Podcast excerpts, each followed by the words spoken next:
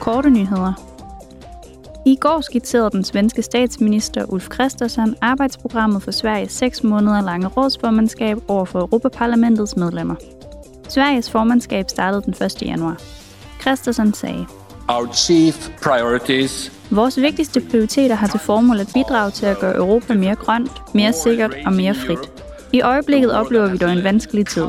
Krigen raser i Europa. En krig, der har ført til utallige ofre og brutale grusomheder, men også til en energikrise og økonomisk tilbagegang. Alt det der er medvirkende til at gøre de kommende måneder meget udfordrende.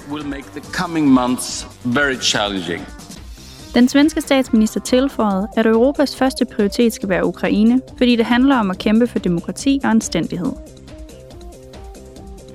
Parlamentet drøftede også EU's reaktion på det seneste russiske missilangreb på civile i Dnipro og muligheden for at indføre yderligere sanktioner mod Putins regime. Parlamentsmedlemmerne spurgte også kommissær for retlige anlægner Didier Reinders om muligheden for at oprette en domstol til at retsforfølge Rusland for aggressionsforbrydelserne mod Ukraine.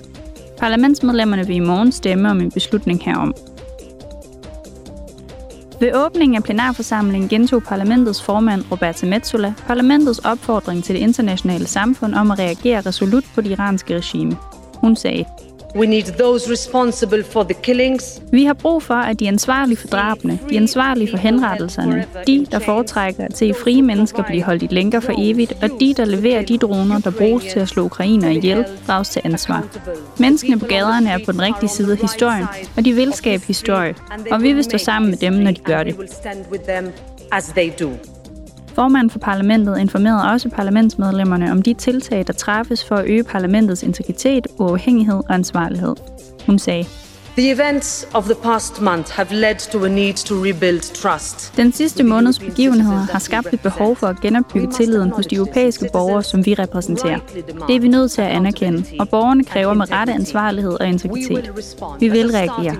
Som udgangspunkt vil vi se på, hvordan vi kan gennemføre en svingdørspolitik, hvordan vi kan sikre større gennemsigtighed, på hvordan vi kan forbedre ansvarlighed og kontrol af interesserepræsentanter. And checks of interest representatives. I Strasbourg holdt parlamentsmedlemmerne et minut stillhed til ære for den tidligere parlamentsformand David Sassoli, der gik bort for et år siden.